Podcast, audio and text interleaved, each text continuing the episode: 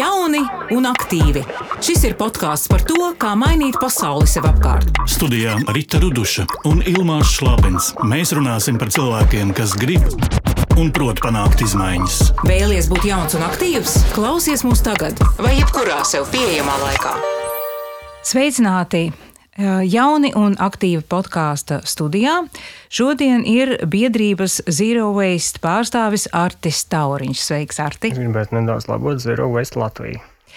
Es atvainojos, nu tad pateiksim precīzi Zero Waste Latvija, jo, protams, Zero Waste ir arī plašāka kustība, par to mēs arī plašāk parunāsim pēc tam podkāstā. Gatavojoties e, šai sarunai, es izpildīju testu par to, kāds zaļais latvietis es esmu, un sanāca, ka es esmu maisiņu karalis, ka es vienmēr pie kasēm e, saku, ka man nevajag maisiņu, ka man ir līdzsavējais, vai to arī es šo testu pildīju. Jā, tikai es neatceros rezultātu. Un īstenībā pirmajā brīdī domāju, ja šeit tas maisiņu karalis varbūt pat neizklausās. Ja tā pretējā reakcija varbūt liekas, ka īstenībā ļoti daudz tie maisiņi ir. Bet vajadzēja viņu citādāk nosaukt. Bet šis tests tiek arī, ja es pareizi saprotu, uzlabots vēl. Nu jā, es, es to sapratu pareizi, ka man ir, es esmu karalis vai karaliene eh, precīzāk, bet uh, līnu maisiņu man viņu patiesībā ir ļoti daudz. Bet sākumā par organizāciju tātad Zero Waste Latvija vizītkarte. Jauni un aktīvi! Zero Waste Latvija ir gluži svaiga nevalstiskā organizācija. Biedrība nodibināta šogad, 1. augustā, Zemes pārtēriņa dienā.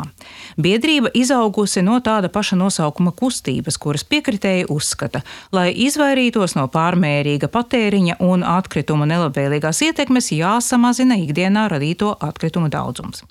Organizācijas mērķi - mazināt Latvijas sabiedrības radītā piesārņojuma nelabvēlīgo ietekmi uz vidi, veicināt Latvijas attīstību atbilstoši ilgtspējīgas attīstības principiem, veidot un atbalstīt vidē draudzīgas alternatīvas piesārņojošiem ieradumiem, popularizēt bezatkritumu dzīvesveida un aprites ekonomikas principus un sniegt atbalstu tiem, kas vēlas īstenot bezatkritumu prakses. Jauni un aktīvi! Un man uzreiz pirmais jautājums, kāpēc tieši 1. augusts, kāpēc šis datums ir zīmīgs, ko nozīmē pārtēriņš? Es kaut kā trīs jautājumus pateicu, bet patiesībā viens. Kas ir 1. augusts? Tas bija ļoti apzināti. Protams, izvēlēties tieši šo datumu, zīmīgo zemes pārtēriņa dienā. Un, to vienkāršojot, ko nozīmē tas pats termiņš, pārtēriņš, tas idejiski ir, to tiek noteikts datums, kurā varētu teikt, tie resursi, ko zeme, zemeslode, tā teikt, ir spējīga saražot, un mēs viņu vienkārši tik daudz, cik viņi ir spējīgi saražot un cik mēs esam spējīgi patērēt. Un tas nozīmē, ka šajā 1. augustā jau mēs šo esam sasnieguši tieši to līmeni, cik daudz zeme spējīga saražot šos resursus atjaunojumos. Un ar katru gadu šis datums ir ar vienu tā teikt tuvāk un tuvāk. Tā varētu teikt, ja pagājušā gada tas bija 8. augusts, šogad tas bija 1. augusts. Nākamgad mēs varam tikai domāt, kurš tas būs šajā gadījumā jūlijas. Tā kā mēs uz krīta tagad dzīvojam jau. Jā, jau labu laiku. Diezgan baisi izklausās. Tāda ir realitāte. Bet kā organizācija jūs nodibinājāties ar kādu mērķi? Nu, kāpēc tā nevar būt? Vai, vai ir starptautiska organizācija arī šāda jau šobrīd? Ir uh, tīkls, varētu teikt, arī tāds uh, Zero Waste Europe, kurā kuras mēģina savukārt ir apvienot visas tās nevalstiskās organizācijas, vai būt arī kādas oficiālākas institūcijas, kas ir kaut kādā mērā sev pozicionējuši tieši šo zero waste ideju, mērķi. Un tādā veidā kaut kā veidot globālāku to tīklu. Jo bieži vien skeptiķi saka, nu kāda jēga man kaut ko uh, ierobežot sevi, nepiesārņot vidi, ja blakus man kaimiņi piesārņo. Un kāda jēga Latvijā mums uh, uzturēt zaļu domāšanu, ja blakus citi to nedara? Tas ir no standarta argumentiem, kas vienmēr tiek izmantots. Kāda jēga man kaut ko darīt, ja tāpat tās blakus neviens nedarīs. Nu, tad, tajā brīdī jau arī liekas, nu tad vispār nav jēga nekam lielam. Un uh, šajā gadījumā. Mm, Uzreiz jāsaka, tā, protams, ka šim zero waste Latvijā, pasaulē viņš jau varbūt ir tāds nu, 2000. gada sākuma, sākās tas vilnis tādā cilvēku patērētāju līmenī. Pie mums, varētu teikt, tas ienāca pirms nu, diviem, trim gadiem. Tas lielais bums varbūt medijos vairāk bija tā tieši pirms gada. Es domāju, cilvēki Te ir ļoti liela loma spēlē, protams, sociālajā medijā. Nu, visvairāk varbūt Facebook, kurā ir arī diezgan bieži parādās video materiāli. Un, protams, kurš nav redzējis šausmīgo okeāna piesārņojumu ar peldošajām plasmas salām, kas, manuprāt, ir viens no iemesliem, kādēļ daudz cilvēku kaut kā, nu, tas principā nepārspīlēt katru otro, trešo vai dienu uzpeld kādā brīdī. Kāds nošēro, kāds, nezinu, mēs sekojam arī daudziem kādiem mediju kanāliem, kas arī par šo ziņu izplatīja. Un es domāju, tas vienkārši visu laiku atkārtojoties, cilvēks tam sāk pievērst uzmanību. Un pirms gada arī iznāca vairāk kā pirms gada latviešu iztulkota grāmata ar šādu nosaukumu, kas arī. Māja bez atkritumiem. Jā, jā. Tas bija šogad. Šogad, šogad. šogad tā ir uh, Bejā Džonsons, kas īstenībā ir viena no tādām zināmākajiem uh, vārdiem. Uh, nu, varētu teikt, viņa bija tā, kas uh, izplatīja, sāka izplatīt šīs idejas, pat ieviešot savā dzīvē, pēc tam sarakstot šo grāmatu un tādā veidā popularizējot šo dzīvesveidu. Un, un šogad viņa pati bija atbraukusi uz Latviju, sniedz lekciju, un tas reizē bija arī kā šīs grāmatas kā, atvēršanas pasākums. Bet es arī sadzirdēju darbības vārdu ienāca, bet ienāca vai dzīva, vai teiksim, tā iedvesma nāca no ārpuses, vai kas Latvijas bija Latvijas gadījumā? Jā, jā, Latvijas gadījumā tieši. Uh, šis ir tas interesantais stāsts, jo ir ļoti spontāna ideja.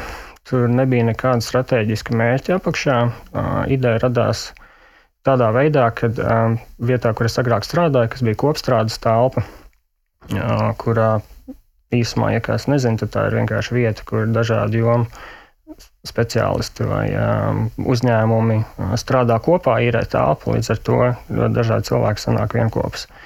Uh, tur satiku uh, Zānes kuju, ar kuru vienkārši runājoties, mēs sapratām, ka mums interesē vidas aizsardzības tēmas, ekoloģijas tēmas, lai arī mums abiem diviem um, nav nekāda īsti vidas zinātnes vai tam līdzīga background. Um, Es viņu ieminējos par ideju, ko es jau biju izlūkojis pirms apmēram sešiem gadiem. Man viņas papīra uzlikās par beziepakojumu veikalu atvēršanu Rīgā. Un, uh, Viņai šī ideja patika, un brīdī teica, vienkārši, nu, bet tad uztaisām grupu Facebook.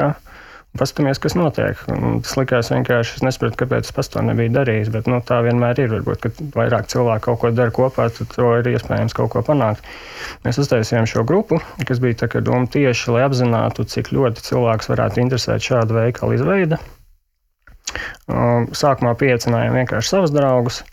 Protams, šī teikt, cilvēki atbalsta ideju, bet tajā brīdī, kad mēs prasām, vai jūs esat gatavi nākt un pie tā reāli strādāt, tajā brīdī kaut kā iestājas klusums. Un, un kaut kādā brīdī šī grupa, viņa tā kā varētu teikt, nomira, apklusa. Un tad bija tas jautājums, vai, vai mēs to vispār beidzam, vai kaut kā tomēr mēģinam to, nezinu, ideju vai attīstīt. Un, un, Man šķiet, tajā brīdī tā, es sapratu, ka varbūt jāsāk runāt bišķiņ plašāk, un, un mēs pārstāvjām šo grupu par Zero Waste Riga. Attiecīgi runāt jau par šo Zero Waste ideju. Ne tikai par veikalu. Kaut gan Vairs veikals ir īstenojies. No, jā, jā tur vairāk, mēs, tur mēs nonākam. Vairāk veikalu. Jā, jā, no katrā ziņā es dzīvoju tajā apkaimē, kurā ir uh, Baronielā, ir burka bez, uh, bez iepakojuma veikals, un, manuprāt, mūsu apkaimes iedzīvotāju dzīves kvalitāte ir būtiski uzlabojusies no tā. Nu, tas ir tas, tas interesantais, ka no tā Zarovais Rīgas mēs uh, no tā, ātri izskrienot cauri 2016. gada beigās mēs uztaisījām pirmo meetup, kā tagad moderni saka. Um, domāju, mēs gribējām saprast, cik daudz jau tādu cilvēku ir. Bija skaidrs, ka viņi ir. Uh, bet gribējās kā apjaust, cik daudz, cik daudz viņi varbūt ir un, un vai tā interese, cik, cik zinoši viņi arī ir reizē. Jo tas grupas mērķis arī bija vairāk. Mēs, ne arī es pats nevaru teikt, ka es esmu zero waste guru. Ir cilvēki, kas ir uh, daudz kaut kādā, daudz vairāk kaut kādus principus ieviesuši savā dzīvē. Un tas grupas mērķis arī bija uh, mācīties vienam no otra. Sniegt kaut kādas padomas, uzdot jautājumus, jo vienmēr šie cilvēki, kas dod atgrieznisko saiti, un tas joprojām grupā ļoti labi arī strādā. Un mēs uztaisījām šo pasākumu, tikām nedaudz medijos, līdz ar to kaut kādu plašāku cilvēku lokus uzzināja par šādas grupas esamību. Un par laiku pēc laika mēs, protams, konstatējām, ka Zero Waste Riga šajā grupā nav tikai cilvēki no Rīgas, jo tas ir internets. Un, un pagājušā gada maijā mēs pieņēmām lēmumu pārsaukties par Zero Waste Latviju.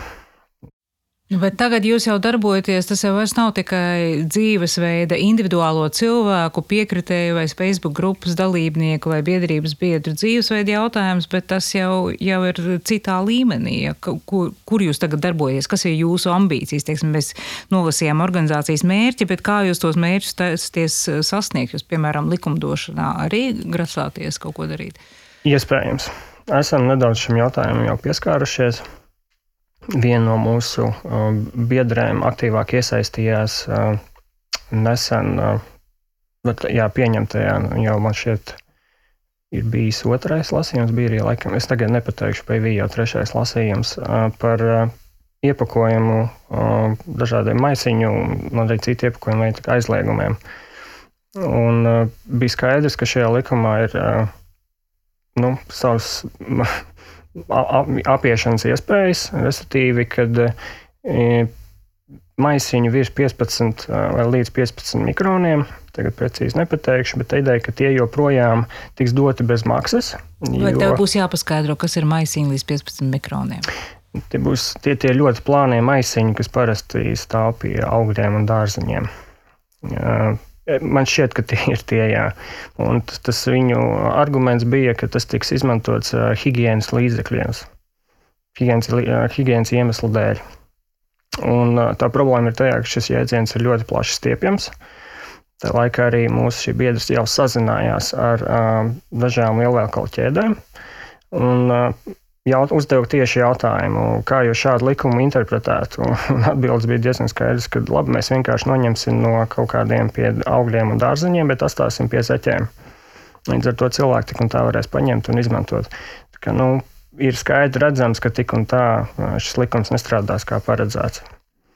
Vai, vai izdevās? Man šķiet, ka viņi beigās tomēr neizņēma šo daļu, bet katrā ziņā ir bijusi, mēs esam devuši savu kaut kādu uh, viedokli par šo tēmu. Un, es domāju, ka pie kaut kādiem citiem jautājumiem, kad būs arī kaut kāda depozīta sistēmas jautājums, protams, aktivizēsies, noteikti arī tajā iesaistīsimies. Bet šī tēma par maisiņiem ir viena no, es, es domāju, tai, tai pievērst vislielākā uzmanība. Nu, cilvēkiem par to ir iepaticies runāt un, un apspriest, atteikties no tiem maisiņiem veikalos, no tā piedāvājuma. Un, Tā principā šobrīd ir viena no aktuālākajām lietām. Turklāt arī tas ir viens no lielākajiem piesārņojuma avotiem, tie polietilēna plasmas maisiņi, celofāni. Nosacīti par tiem, skatoties, viņš tiek ļoti aktualizēts šis jautājums par maisiņiem, jo tas tā tāds arī visredzošākais gan tajos veikalos viņi ir. Un, un, Vajadzētu, protams, ir ieteicams izvairīties. Tā problēma ar to ar plasmasu vispār uh, ir tā, ka tas ir, protams, ļoti uh, praktisks materiāls. Viņš ir lēts, salīdzinoši vēl, kamēr naftas cenas nav varbūt uzlikušas. Viņš ir viegli pārstrādājams, nevis pārstrādājams, atvainojos, bet viegli izmantojams. Automātiski ražojams, cilvēku darba spēks nav vajadzīgs. Praktiski. Tas, tas, tas potenciāls viņam ir liels. Problēma ir tajā, ka mēs viņu izmantojam ļoti neapdomīgi. Un, un te var būt bišķiņa tā par to, kas tas zero waste vispār ir. Tā, tā, tādā koncentrētā veidā tāda zero waste ir ideja, kuras mērķis ir pārdomātāka un ciklu veida resursu izmantošana, ideālajā variantā vispār neradot atkritumus un tādā veidā arī samazinot kaut kādus vidas piesārņojuma riskus. Un, un tas būtu ieviešams gan, gan individuālā, gan sistēmiskā līmenī, ar domu, ka individuālā tā būtu tā um, patērētāja ieraduma maiņa, un uh, sistēmiskā tas ir doma, ka ražotāji pārdomātu savus teiksim, ražošanas ciklu, principā, pārdomāt, kā tiek ražot viņu produkcija, kā viņi iespējams respektīvi pāriet uz tādu ciklu veidu risinājumu. Ja mēs šobrīd joprojām esam tādā lineārās ekonomikas principā, kad uzražot, izlietot, izmest, tad tas aprits ekonomikas princips būtu ražot, lietot un uh, savākt atkal atpakaļ, ieviest atpakaļ ražošanas ciklā. Veidot tādu noslēgtu to, to ķēdi, lai pēc iespējas mazāk būtu šo atkritumu un reizē arī vienkārši pārdomātāk pieeja tiem resursiem. Bet, lai ietekmētu tos lielos ražotājus, nu, ir vajadzīga vai nu valdības likumdošanas izmaiņas, vai Jā. arī liels sabiedrības spiediens. Jā. Savukārt, privātajā dzīvē tas, man liekas, revolucionārais atklājums, ko Bēra Džonsona nesa, ir, ka nu, principā ir iespējams neradīt atkritumus, par ko mēs nebijām iedomājušies. Mums likās, ka nu, atkritumi ir dabisks mūsu dzīves process.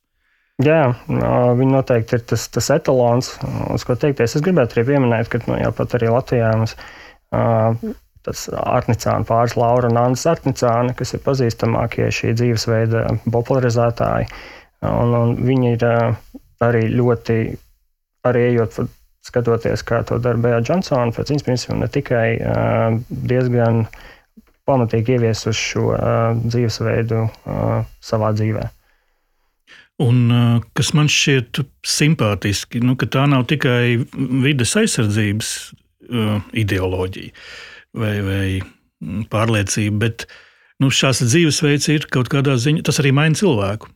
Tas liek viņam domāt vairāk par to, ko viņš dara, nu, dzīvot apzinātāku dzīvi, uh, kaut kādā ziņā arī dzīvot ētiskāku dzīvi. Noteikti. Uh, tie zero waste pieci pamatprincipi. Uh, ja tas pats pirmais un augstākais arī ir uh, atteikšanās, kas īstenībā nozīmē tādu pārdomātāku pieeju, uh, ja mēs skatāmies individuāli līmenī, pārdomātāku pieeju saviem pirkumiem. Un kas varbūt, ka tu varētu arī pastāstīt, kas ir pārējās piramīdas apgrieztās sastāvdaļas. Tātad atteikšanās ir pašā augšā, un kas seko, kas, kas tie būtu tā, tālākie principi? Samazināšana, un tas būtu, ka nu, mēs nevaram tāpat tas no viss atteikties, mums ir jāēd un tam līdzīgi, bet, un ne tikai jāēd, nu, arī jāģērbjās un tā tālāk, bet uh, Mēs varam izvēlēties kaut kādas preces, produktus, kas ir ar mazāku iepakojumu, ar mazāku kaut kādu vidas ietekmi, izvēlēties sezonālāku pārtiku, kas iespējams ir vietējā, kas nav vesta no kaut kurienes attālākas vietas, līdz ar to samazināt šos CO2 izmešus. Šīs visas lietas, tas Es godīgi varu pateikt, ka piereduma maiņas, laušana, tas ir sarežģīts process. Nu, pats tam ej cauri. Uh, Un tajā brīdī tu pats saproti, cik, cik tas ir sarežģīti. Bet, eh, ja tev ir tas, tu saproti, kādēļ, ir jābūt kaut, kādam tam eh, motiv, kādai motivācijai pašam sev iekšā, kāpēc es to daru. Ja nav tās motivācijas, tad, eh, tad tu nebūsi arī iegansta. Un te ir tas, kur pieslēdzās tā likumdošanas daļa. Nu, pie mums tas jau arī sāk tiek ieviests, ka tiek izmantoti ekonomiskie kaut kādi instrumenti, lai panāktu šo cilvēku rīcību. Varbūt viņš to dara nevis vidas dēļ, bet viņš to darīs tādēļ, ka tas ietekmē viņa maciņu. Nu, to jau mēs kādreiz arī darījām. Patiesībā ļoti daudz kas no tiem principiem, ko, ko apraksta arī Arnicāna pāri savā mājaslapā. Uh, um, jau kādreiz tika lietot. Es ļoti labi atceros, kā mana vecmāmiņa šķiroja atkritumus tajos, kas deg, tajos, kas nedeg, tajos, kas ir uh, kompostējami un tā tālāk. Un tad tas gala, gala produkts patiešām bija minimāls. Ja, tas un, bija, un mazgājām burciņus. Un, un mazgājām burciņus un vairāk kārt lietojām un, un uh, vāciņus un tā tālāk. Ja. Un tiešām bija pilns pieliekamais ar, ar tukšām burkām. Uh, un bija arī iepirkuma kulītes, un nebija nekāda plasmas maisiņa. Tieši tā, Jā. es pat neesmu vēl tik jauns, un es atceros arī tos laikus, kad gāja ar sietiņiem uz veikalu, kur uh, sviestu un sieru tīna papīrā, nevis lika plasmasā iekšā, un, un katrs savu kulīti gāja, tas bija normāli, un piens bija, nu labi, bija tās pat ne tetrapakas, bet tās trīsturpakas, bet bija arī piena pudeles ar foliju vāciņu. Pats to esmu piedzīvojis, atceros tādēļ. Un tad vecāki vēl gadu gājumi cilvēki, kad viņiem kaut kā stāsta, vai viņi par šo ideju uzzina, viņi saka, tas nav nekas jauns. Es to darīju savā, savā jaunībā, tā teikt. Un tā arī ir. Vienkārši ir mainījusies, ja tajā laikā, nu, vienkāršojot uh, to situāciju, ja tajā laikā citādāk nevarēja, tad tagad to dara vienkārši tādēļ, ka apzinās to, kādu iespējams postu tas uh, atkrituma daudzums un atkrituma veids rada. Bet tad, kad sāk jau to darīt, nu, piemēram, es arī sāku nu, maisiņiem un ar šķirošanu, tad kaut kādā brīdā, brīdī es, piemēram, atduros pret to, ka kaut kas nav iespējams. Nu, piemēram, tetrapakas joprojām nav kur likt, metāla buņģis joprojām nav kur likt.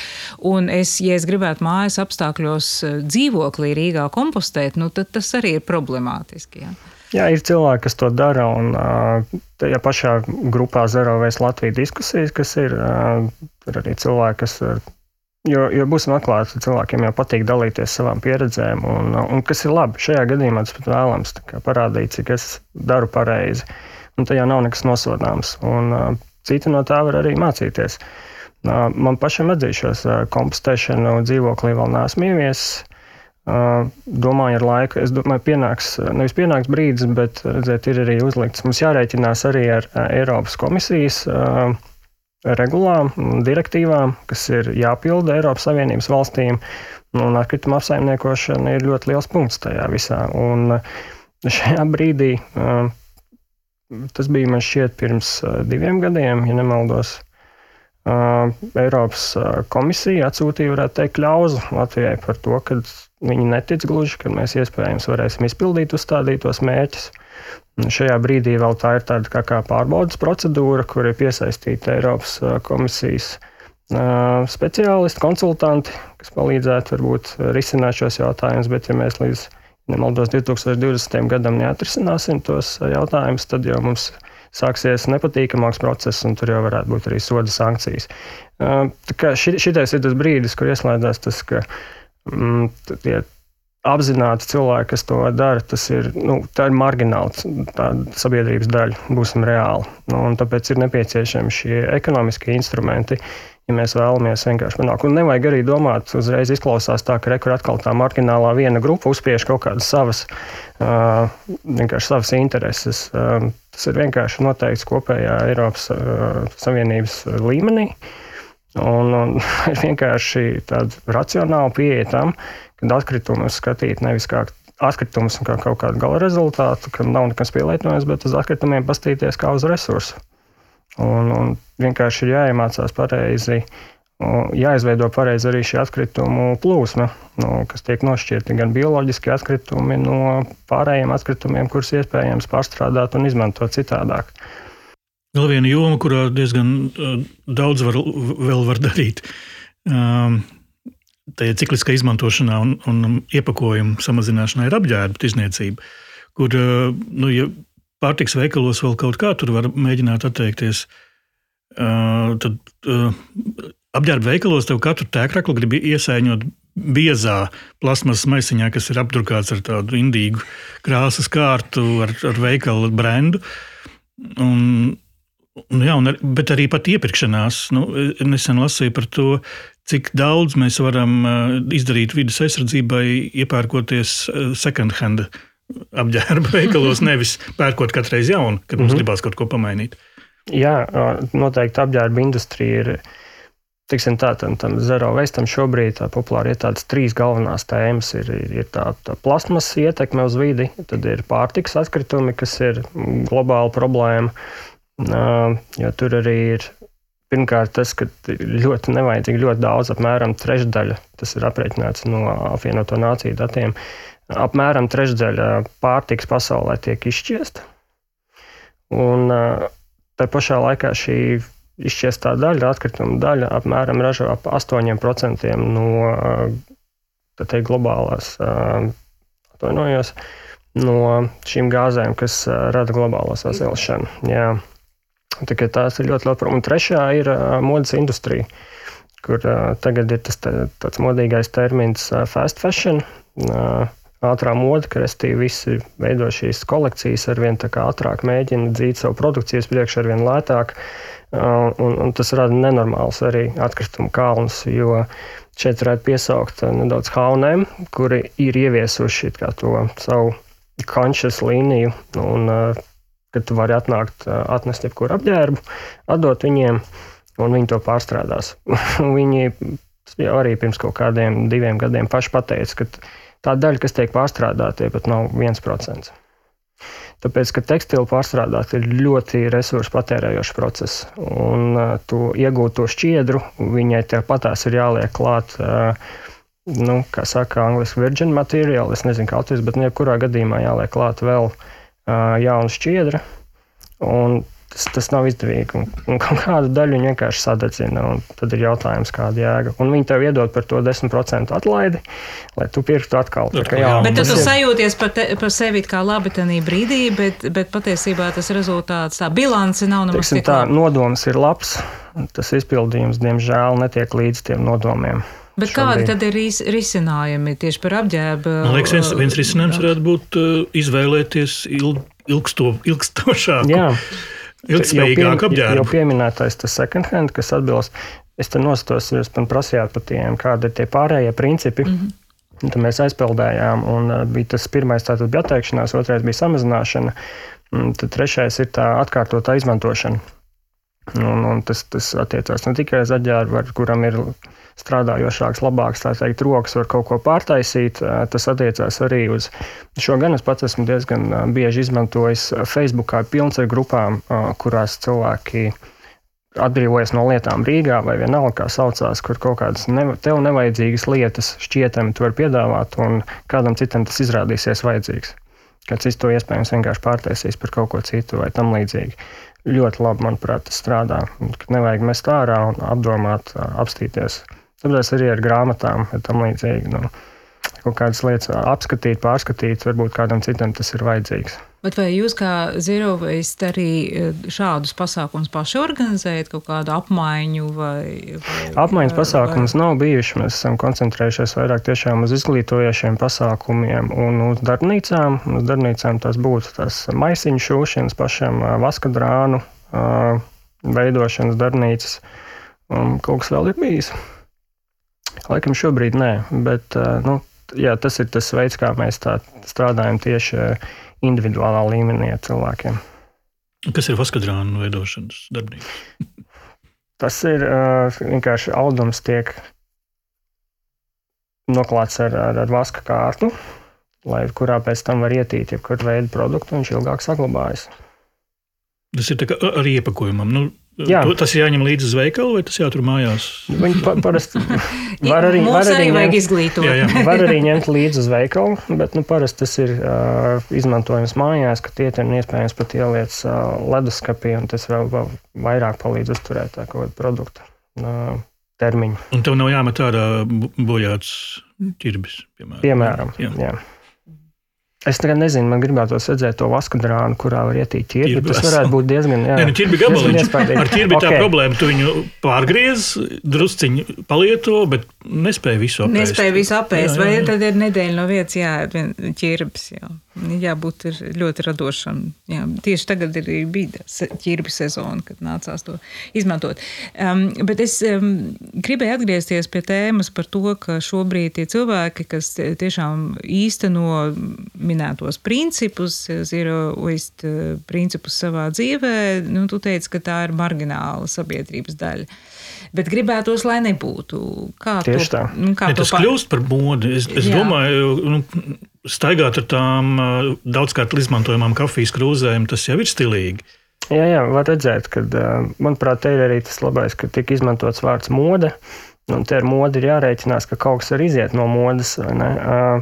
Bet laiks rādīs, man šobrīd grūti pateikt, pēc, arī pēc subjektīviem rādītājiem skatoties, kā pievienojās mūsu grupai un tam līdzīgi, tas, tas skaitlis visu laiku tikai aug, viņš nesamazinās nu, kā jau minēju, tie ir iemesls gan tiem uh, video, kas, kas uh, klejo apkārt par to, kas notiek okeānos, gan arī, gan arī tas, kā jau minēju, kad uh, lēnām tā zero waste kustība un ideja arī mūsu medijos arvien vairāk parādās un, un cilvēkus tas arvien vairāk uzrunā. Kāds varbūt arī tai grupai pievienojās, nevar jau uzskatīt, ka viņi visi ir tagad tie, kas to dara. Kāds varbūt pievienojas vienkārši, lai apskatītos intereses pēc, kāds droši vien arī, lai patrolētu.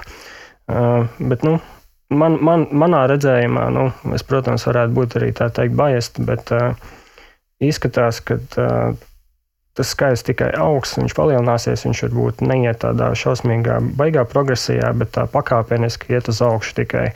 Un otra lieta ir jārēķinās, ka, kā jau minēju, tiek šie ekonomiskie instrumenti, no kuriem viens ir tā paša dabas resursu nodokļa pozīcijas palielināšana, kas attiecās uz sadzīves atkritumu apglabāšanu. Būs jāmaksā ar vien vairāk. To varbūt visvairāk. Katram? Jā, tur ideja ir, nu, tas ir par kilogramiem, bet jebkurā gadījumā pēc tam jau to maksājam mm, mēs. Mm. Un, un to varbūt uh, privātu māju iedzīvotāji iespējams vairāk izjutīs. Uz daudz dzīvokļu mājām tā summa varbūt izdalās vairāk, bet ir paredzēts, ka šo summu tikai celt uz augšu, un kādā brīdī tur varbūt cilvēki apstīsies.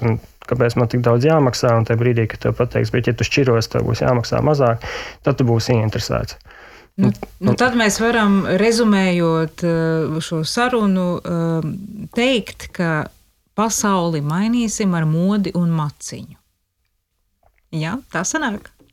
Es to modi laikam nē.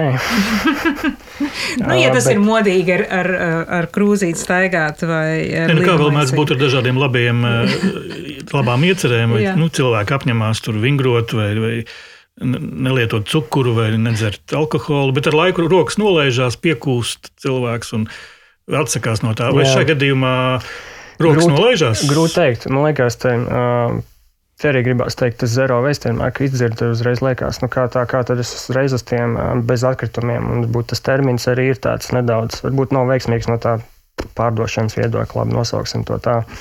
Man šķiet tas labais tajā, kad ir šie daudzie kaut kādi soļi, tāds kā spektrs varētu teikt, kurā tu vari atrast to savu vietu. Kādam varbūt viņš sāks neņemt tos maisiņus, un viņš tālāk negribēs iet, piemēram. Un kāds cits neņems tos maisiņus, sapratīs, ka viņam ar to nepietiek, un viņš veiks nākamo soli. Nopirks šo pašu, es nezinu, krūzi vai tam līdzīgi, sāks domāt par kaut kādu atkritumu šķirošanu.